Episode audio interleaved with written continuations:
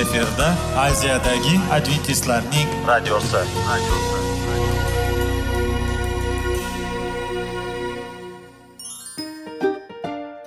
Assalomu alaykum aziz radio tinglovchilar. Sog'liq daqiqasi rubrikasiga xush kelibsiz.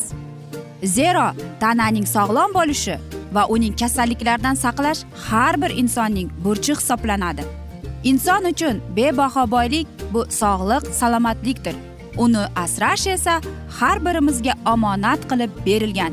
Shuning uchun ham inson o'z sog'lig'ini ehtiyot qilishi va ajib amallardan hisoblanadi.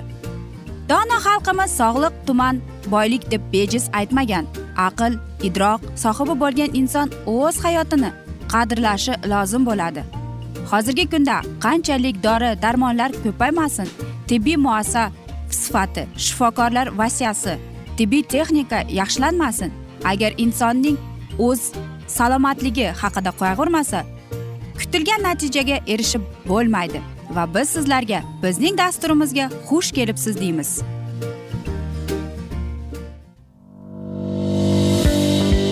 Sog'liq daqiqasi soliqning kaliti qiziqarli ma'lumotlar faktlar.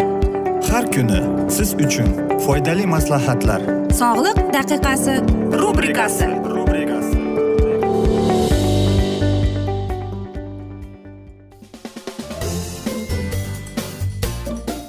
assalomu alaykum aziz radio tinglovchilar. Dasturimizga xush kelibsiz va biz sizlar bilan foydali ichimliklar degan dasturda xushvaqt bo'ling deb aytamiz. Va bugungi bizning dasturimizning mavzusi bu asabiy toliqish. Albatta biz hammamiz ham charchaymiz lekin ko'plab odamlar ishlayveradi ishlayveradi va oxir oqibat qanday qilib uning asabi charchaganini o'zi ham bilmay qoladi. Va bizning dasturimiz aynan birozgina bo'lsada sizlarga mana shunday kasallik haqida ma'lumot berib o'tmoqchimiz. Va qanday qilib e, miyangizga foydali ichimliklar kiritish uchun aytib beramiz. O'zi mana shunday savol bor asabiy toliqish nima deb ataladi? E, bu shifokorlarning aytishicha bu ruhiy zo'riqish deb ataladi. Bu nimaga? Ruhiy zo'riqishning tufayli bu yuzaga keladigan asab kasalligi hisoblanar ekan. Asab toliqish bizning vaqt eng keng tarqalgan ruhiy kasalliklardan biri hisoblanadi. Statistika ma'lumotlariga ko'ra xavf guruhi asosiy keksa ishchi aholi hisoblanadi ya'ni yigirma yigirma qirq besh yil va ularning aksariyati ko'pincha ayollar ekan. Buzuqlik nevrostaniya yoki surunkali charchoq sindromi deb ataladi. Yoki masalan asesulanipanis deb uni kasallik deb hisoblaydi. Kasallik noxush xususiyatlari uning yomon tashxisi bu o'z ichiga oladi. Ya'ni kasallik dangasalikni asabiylash ruhiy tushkunlik va e, salomatlik kasalliklari qiyofasiga kelib chiqadi. Bu asab toliqish klassik alomatlar e, chekuvchi deb har doim aniq emas va asab haddan davolash kasallik yorqin turli to'g'ri belgilari oladi. Faqat aytaylik belateli e, amalga oshiriladi. Qanday qilib belgilar va ayollarda asab tizimini toliqish davolash kerak?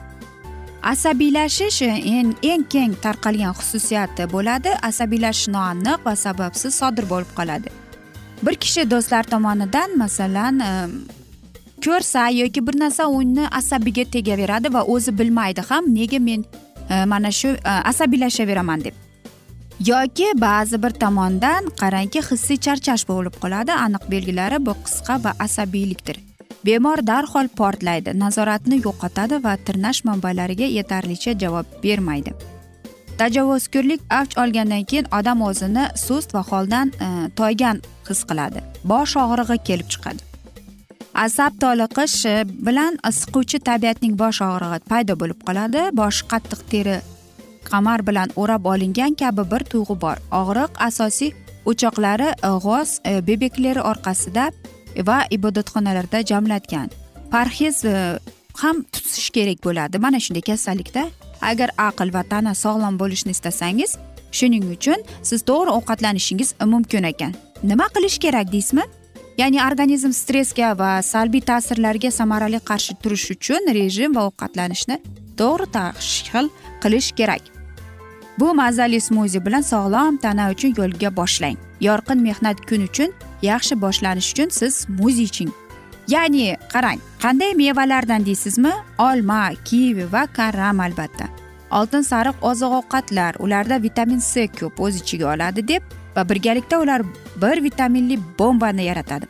Olmada qarangki vitaminodetlar bor. U ko'p o'z ichiga olib va ularning ellik foizi terisi bor balki shuning uchun ham biz e, mevani tozalamasdan archimasdan yeyishimiz kerak. Va qarangki omega uch kislotalari va vitamin a ta'sirchan darajasini berib va sut yemayman deb aytishadi. Agar xavotir olmasangiz albatta hamma yoqda juda ko'p kalsiy mavjud. Bu albatta petrushka ismaloq ikki barobar temir beradi e, va vitamin k bu boy. Qaysi suyak mustahkamlaydi? Miya neyronlarini zarar cheklaydi. Bodring miya kasalliklaridan shu jumladan alsgeymerdan himoya qilishda muhim rol o'ynaydi. Shuning uchun siz bir stakan smuzidan tufayli mana shunday ko'p vitaminlar olasiz. Ichimlik soviydi tanadagi yalliqlanishni yo'qotadi va tabiiy nafasni yangilovchi sifatida xizmat qiladi. Imbir ko'ngil aynishi qorin noqulayliklarini tinchlantiruvchi og'riq qoldiruvchi hisoblanadi. Kakao suvi tabiiy vitaminlar minerallar va iz elementlariga boy bo'lib u kaliy magniy va elektroidlarning boy manbai bo'lib sog'liq uchun foydali hisoblanadi. Qanday qilib biz e, smuzi tayyorlashimiz mumkin? Olma albatta terisi bilan bir kivi tozalangan bitta katta yashil karambargi to'rtdan biri chashka jingalak petrushka sopi bilan bir kichik bodring tozalangan ikki yarim santimetr yangi zanjambil bo'lagi tozalangan. Ikki stakan suv yong'og'i. Va unutmang faqat fikringizni o'zgartirib biz bilan bir dunyoga o'zgartirishga harakat qiling demoqchimiz. Ya'ni aytmoqchimizki mana shunday bodring mana shunday sizlarga aytgan maslahatimiz. Ya'ni siz mana shu smuzidan kuniga ichib tursangiz siz o'zingizning miyangizga va asab tolalaringizga vitaminlarni berib asabiy zo'riqishdan o'zingizni himoya qilib kelasiz.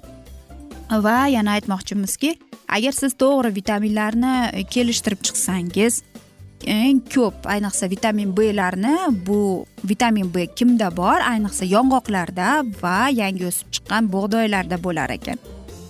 Siz o'zingiz uchun miyangiz uchun neyroprotektorlaringiz uchun ko'plab vitaminlarni berib o'zingizni ko'plab kasalliklardan himoya qilasiz va charchoqni yo'qotasiz albatta. Aziz do'stlar men o'ylaymanki bizning dasturimiz sizga mamnun va foydali bo'ldi deb biz sizlarga birozgina maslahat berib o'tdik. Va biz esa sizlar bilan mana shunday asnoda bugungi dasturimizni yakunlab qolamiz. Va sizlarda savollar tug'ilgan bo'lsa biz sizlarni salomat klub internet saytimizga taklif qilib qolamiz.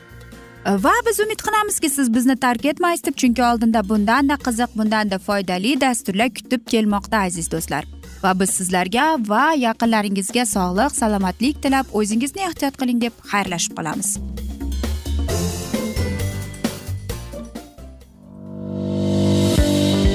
Sog'liq daqiqasi soliqning kaliti. Qiziqarli ma'lumotlar faktlar. Har kuni siz uchun foydali maslahatlar. Sog'liq daqiqasi rubrikasi.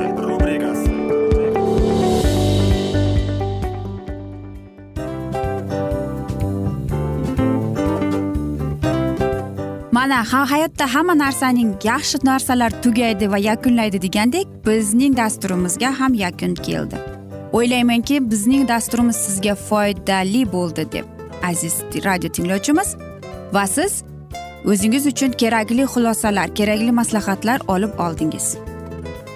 Aziz radio tinglovchimiz biz bilan qoling va keyingi dasturlarimiz albatta undanda qiziqroq bo'ladi. Mana shu alfozda sizlar bilan xayrlashib qolaman.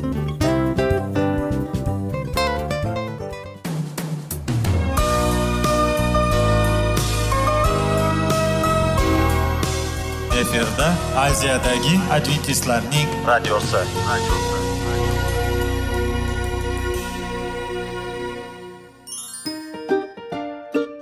Assalomu alaykum aziz radio tinglovchilarimiz. Dil izhori dasturimizga xush kelibsiz. Pul insonni baxtli qiladimi? Albatta yo'q. Sog'liqchi? Albatta bo'lishi mumkindir. Lekin olimlar shuni isbotlashdiki to'liq va mukammal munosabatlar insonlarni baxtli qilar ekan. Albatta biz hayot davomida biz yaqin insonlar bilan odamlar bilan aloqada bo'lamiz va ular bilan munosabatlarimiz qanday kechadi qanday tuziladi? Yigit va qiz er va xotin ota ona va farzandlar va yaqin insonlar bilan. Balkim hozirgi vaqtda kimnidir hayoti yoki munosabatlari buzilyapti. Va bizning dasturlarimiz ularga yordam bo'ladi deb. Va oldinda sizlarni qiziqarli intervyular va mavzular kutyapti va biz umid qilamizki siz biz bilan qolasiz deb.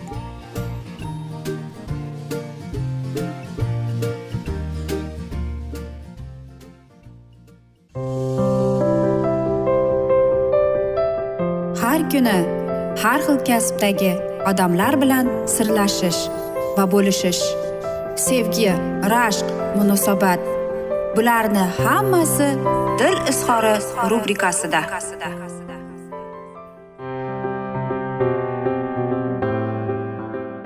Assalomu alaykum aziz radio tinglovchilar. Dasturimizga xush kelibsiz va biz sizlar bilan erkaklar marsdan ayollar veneradan degan dasturda xush vaqt bo'ling deb aytamiz. Va bugungi bizning dasturimizning mavzusi erkak kishining mentaliteti deb nomlanadi. Albatta biz e, mana shunday mentalitet deganimizda biz o'zimizning mana shu hayotiy odatlarimizni yoki turmush tarzimizni ko'zimizni oldimizga keltirib chiqaramiz. Lekin erkak kishini mentaliteti deganimizda biz umuman boshqa narsa his albatta bu to'g'ri. Sen aytaylik bir so'z emas chunki erkak kishilar judayam oddiy bo'ladi deb aytishadi. Uni tushunish kerak. Lekin qarangki qanchalik erkak kishi o'zini og'ir vazmin qilib ko'rsatgan ko'rsatgan chog'ida ham ammo lekin qarangki erkak kishilarning dnkasida erkak kishining ulug'ligini ko'rsatib turar ekan bu eng yuqori mana shu xuddi siz toqqa chiqib borgandek uning uchta mana shunday yuqori e, e, odati bor ekan. Va yoki aytaylikki erkak kishining uchta o'ziga kerakli bir e, manzili bo'ladi deylik. Ular o'zlarini mana shu manziliga o'zining maqsadiga erishish uchun har narsani qiladi. Faqatgina mana shu uchta maqsadini erishgandan keyingina u o'zini haqiqiy erkak kishi deb his etadi va o'zini xuddi erkak kishi Э, ulg'aygandek his etar ekan. Ammo lekin agar qiz bola e, yigit bilan uchrashib yurganda va mana shu yigit yoki aytaylik siz u bilan e, nikohdasiz o'zining joyini o'zining o'rnini mana shu uchta sferada topolmasa demak u faqatgina sizga ko'z va e'tiborini sizga qaratar ekan. Va o'ylanib ko'ring bir qandaydir bir mahalda bir vaqtning o'zida dunyoga o'g'il bola keladi. Va hamma uning atrofida unga tushuntirishni xohlaydi. Nima qilish kerak? Qanday o'zini tutish kerak? Haqiqiy erkak kishi bo'lib ulg'ayish uchun uni chidamli bo'lishga o'rgatadi. Uni kurashga o'rgatishadi. Uni toqqa chiqishga o'rgatadi. Yiqilgandan so'ng albatta u ko'tarilgan turishga o'rgatadi. Yig'lamasdan. Va hech kim uni xafa qilmasligini unga tarbiya qilishadi. Uni mehnat qilishga o'rgatadi. Masalan onasiga bozordan kelayotganda sumkalarni ko'tarishga axlat tashlagani chiqqanda yoki qor kuraganda yoki oddiy gazonni qaraganda buning hammasini e, erkaklarni mana shu kichkina bolaga o'rgatadi. Nima uchun? Faqatgina ota bir niyat bilan qiladi. Katta bo'lganida o'ziga ish topishga oson bo'lsin deb. Yana o'g'il bolaga nimani o'rgatishadi o'zining onasini onasini o'zining e, keyingi ukalarini singillarini himoya qilish uchun uyga qarash uchun va albatta uydagi mol mulkka qarash uchun. Agar esa masalan hamma narsani qilsa uni maqtashadi va doim aytishadiki qanday u erkak bo'ldi deb. Hamma narsaga erkak kishini o'rgatishadi bolani o'rgatishadi. Shuning uchun ham erkak kishi o'zini bir narsaga erishdim deb o'ylaydi va qarangki agar mana shu uchta narsaga erishgan bo'lsa demak u o'zini ulg'aygan va albatta hayotda hamma narsaga erishgan deb va o'zini haqiqiy erkak deb his etadi. Nima uchun shunday bo'ladi? Unga umuman olib qaraganda o'g'il bola ulg'ayishda to'xtamaydi. Qanchalik bo'lmasin u ulg'aygan sayin bu kuchayaveradi va oxir oqibat ayol kishi ham uning hayotida bir o'rinni egallaydi. Bilasizmi hammamiz ham hayotimizda ko'p qiyinchiliklar ko'rganmiz. Ammo lekin biz o'zimizni qanday qilib tutamiz nima bo'lib tutamiz? Oddiy aytaylik. Erkak kishi doimo birinchi raqamda bo'lishni istashadi. Nafaqat birinchi raqam men hammadan zo'r bo'lishim kerak deb hammadan boshliq bo'lishim kerak deb o'ylaydi. Lekin yana erkak kishi o'ylaydiki men hech kim oldida hech qachon o'zimni oqlamasligim kerak deb. Albatta bu to'g'ri. Lekin ayol kishiga bu narsalarning umuman keragi yo'q. Ammo lekin erkak kishiga esa bu narsa hamma narsa. Ya'ni ayol kishi tushunishi kerak. Erkak kishining qanday qilib uni to'g'ri qabul qilishni siz aytasiz nega ko'p ayollar mm, aytaylik ko'p savolni o'ziga beradi nega meni turmush o'rtog'im yoki yigitim nega erkaklar umuman e, ko'p vaqtini ishda o'tkazadi deb. Nima uchun u doimo pulni hisoblaydi deb. Chunki bu dunyoda hamma hamma erkak kishi u o'ziga ishonishi kerak. U kim u nima bilan shug'ullanadi qancha u pul topadi? Buning hammasi uning va o'zini baholashiga ta'sir etadi. Va albatta aytish kerakki siz e, biz ayollarimiz hamma narsani tushunib to'g'ri qabul qilishimiz kerak. Va agar erkak kishi o'ziga kerakli narsalarni mana shu niyatiga yetmagan bo'lsa demak unga qiyinroq bo'ladi. Bu borada ayol kishi albatta unga yordamchi qo'llab quvvatlovchi bir kishi bo'lishi kerak. Va ko'plab ayollarning ko'p xatosi bo'ladi.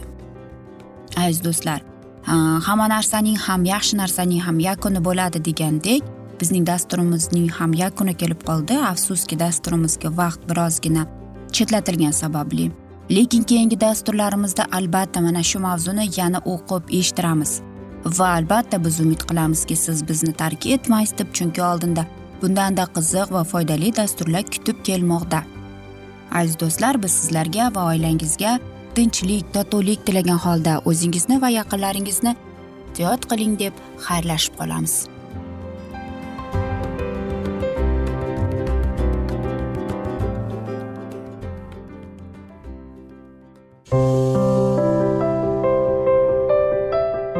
Har kuni har xil kasbdagi odamlar bilan sirlashish va bo'lishish sevgi rashq munosabat bularni hammasi dil izhori rubrikasida. Mana aziz radio tinglovchimiz bizning go'zal va foydali va chiroyli dasturimiz yakunlanib bormoqda. Sizlarga birozgina maslahat berib o'tmoqchi edik. Bir biringizni seving. Qadringizga yeting. Va erkalang albatta bir biringizni va sizga judayam chiroyli va mustahkam munosabatlar tilab qolamiz albatta. Sevgilingiz doimo yoningizda bo'lsin. Mana shu borada sizlar bilan xayrlashib qolamiz. Xayr.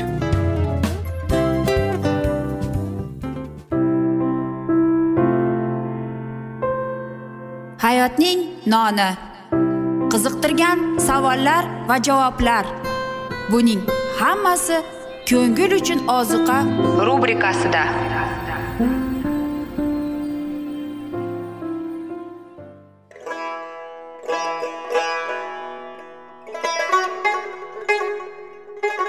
Assalomu alaykum aziz radio tinglovchilarimiz.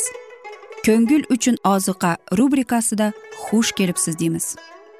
Siz haqiqatni izlayapsizmi? Olamnimi? Umidnimi? Siz kimga murojaat qilmoqchisiz? Odamlar ko'pincha siyosat kuchiga tayanadilar. Dunyo iqtisodiyoti holati tobora chuqurlashib bormoqda. Tabiiy ofatlar va texnogen halokatlar minglab insonlarning hayotini olib ketib juda katta zarar yetkazmoqda. Sizga abadiy hayot inomini hadya qiluvchi va hayotingizni tubdan o'zgartiruvchi haqiqatni izlab toping. Xudo haqidagi haqiqat uning kalomida mujassamlashgan. Kimki bu haqiqatni butun qalbi bilan izlasa albatta unga yetishadi. Bu sevgi xudoning tarixidir. Hayotingizda yoki sizning yon atrofingizdagi olamda nimalar yuz berishidan qat'iy nazar? Siz ertagi kunga buyuk umid va ishonch hosil qilishingiz mumkin. Hozirda xudo sizga taklif qilayotgan umid ishonchga o'z qalbingizni oching va sizni qiziqtirayotgan mavzularni savollaringizga javoblaringizni topib olasiz deb umid qilamiz. Biz bilan qoling.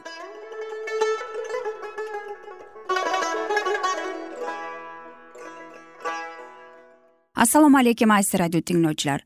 Dasturimizga xush kelibsiz deymiz.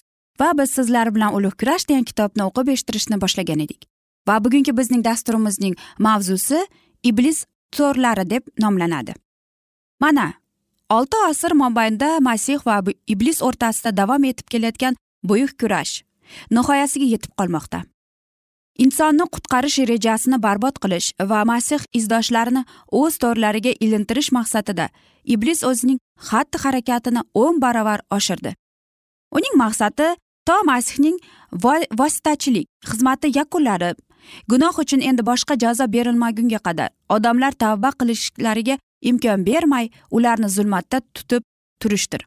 Iblisning makriga qarshi chiqishga odamlar biror bir chora ko'rmaganlarida dunyo va jamoatda beparvolik e'tiborsizlik ruhi hukm surganda shaytonning ko'ngli tinch bo'ladi.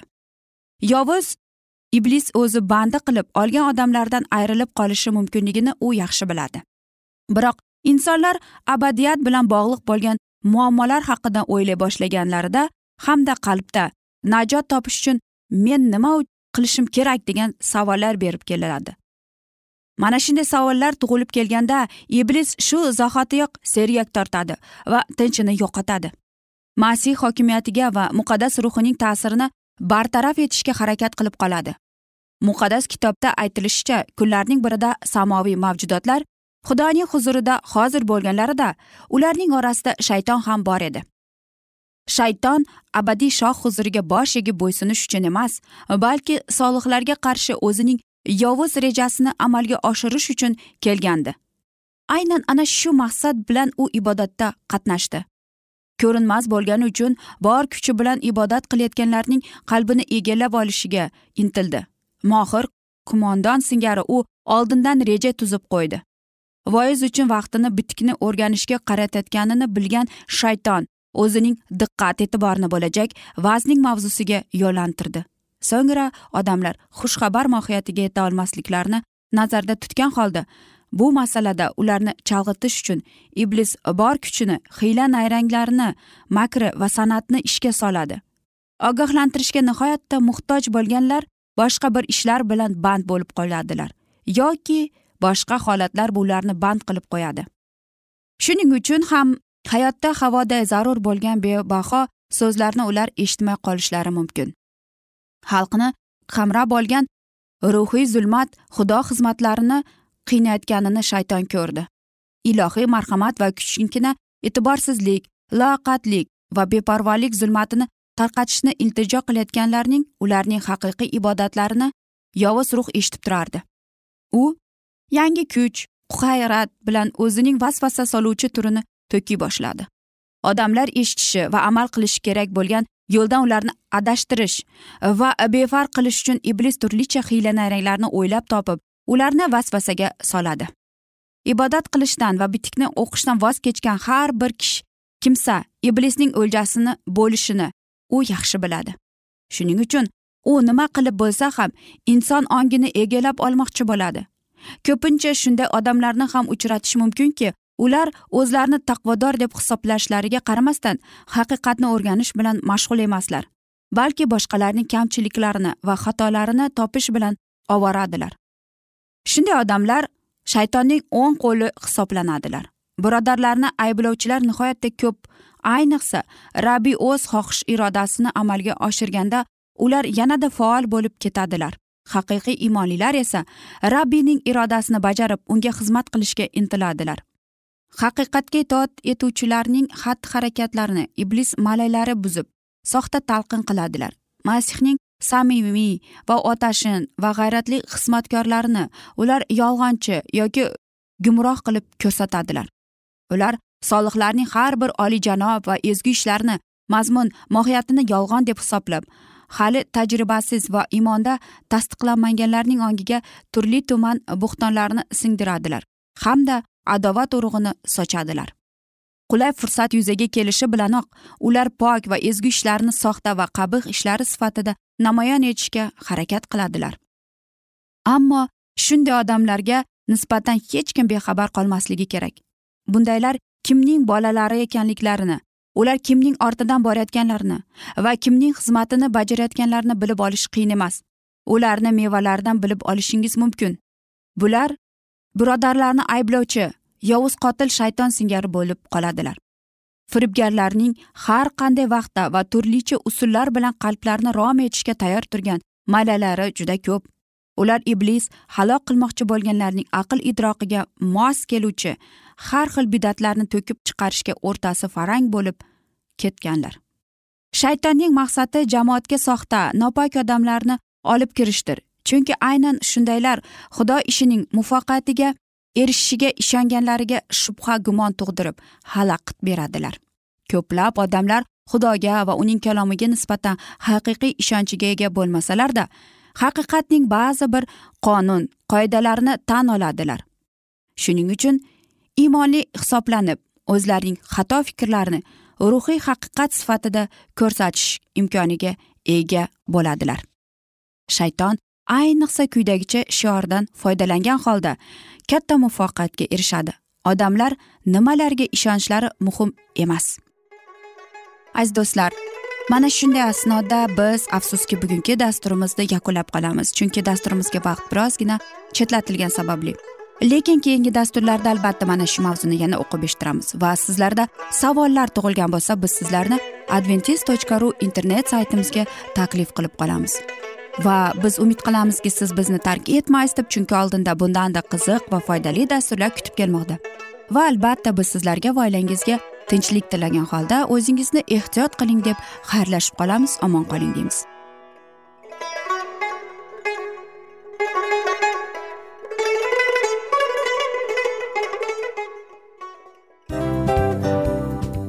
Afsus afsus. Hamma yaxshi narsaning ham yakuni bo'ladi degandek bizning foydali va qiziqarli dasturlarimiz ham yakunlanib qoldi. Va men umid qilamanki bizning dasturlar sizga ozgina bo'lsada maslahat berdi foyda berdi. Va sog'liq borasida ayniqsa sizlarga foydali bo'ldi deb. Va siz bizning maslahatlarga amal qilasiz deb. Albatta keyingi dasturlarda undanda qiziqroq undanda foydaliroq ma'lumot berishga harakat qilamiz. Undada qiziqroq ko'rsatuvlar sizlarga hadya etishga harakat qilamiz. Bizni tanlaganingizga albatta sizlardan minnatdormiz. Sizlarga baxt omad va sog'liq tilab qolgan holda mana shu alfozda sizlar bilan xayrlashib qolamiz. O'zingizni ehtiyot qiling sog' bo'ling omad sizga xayr.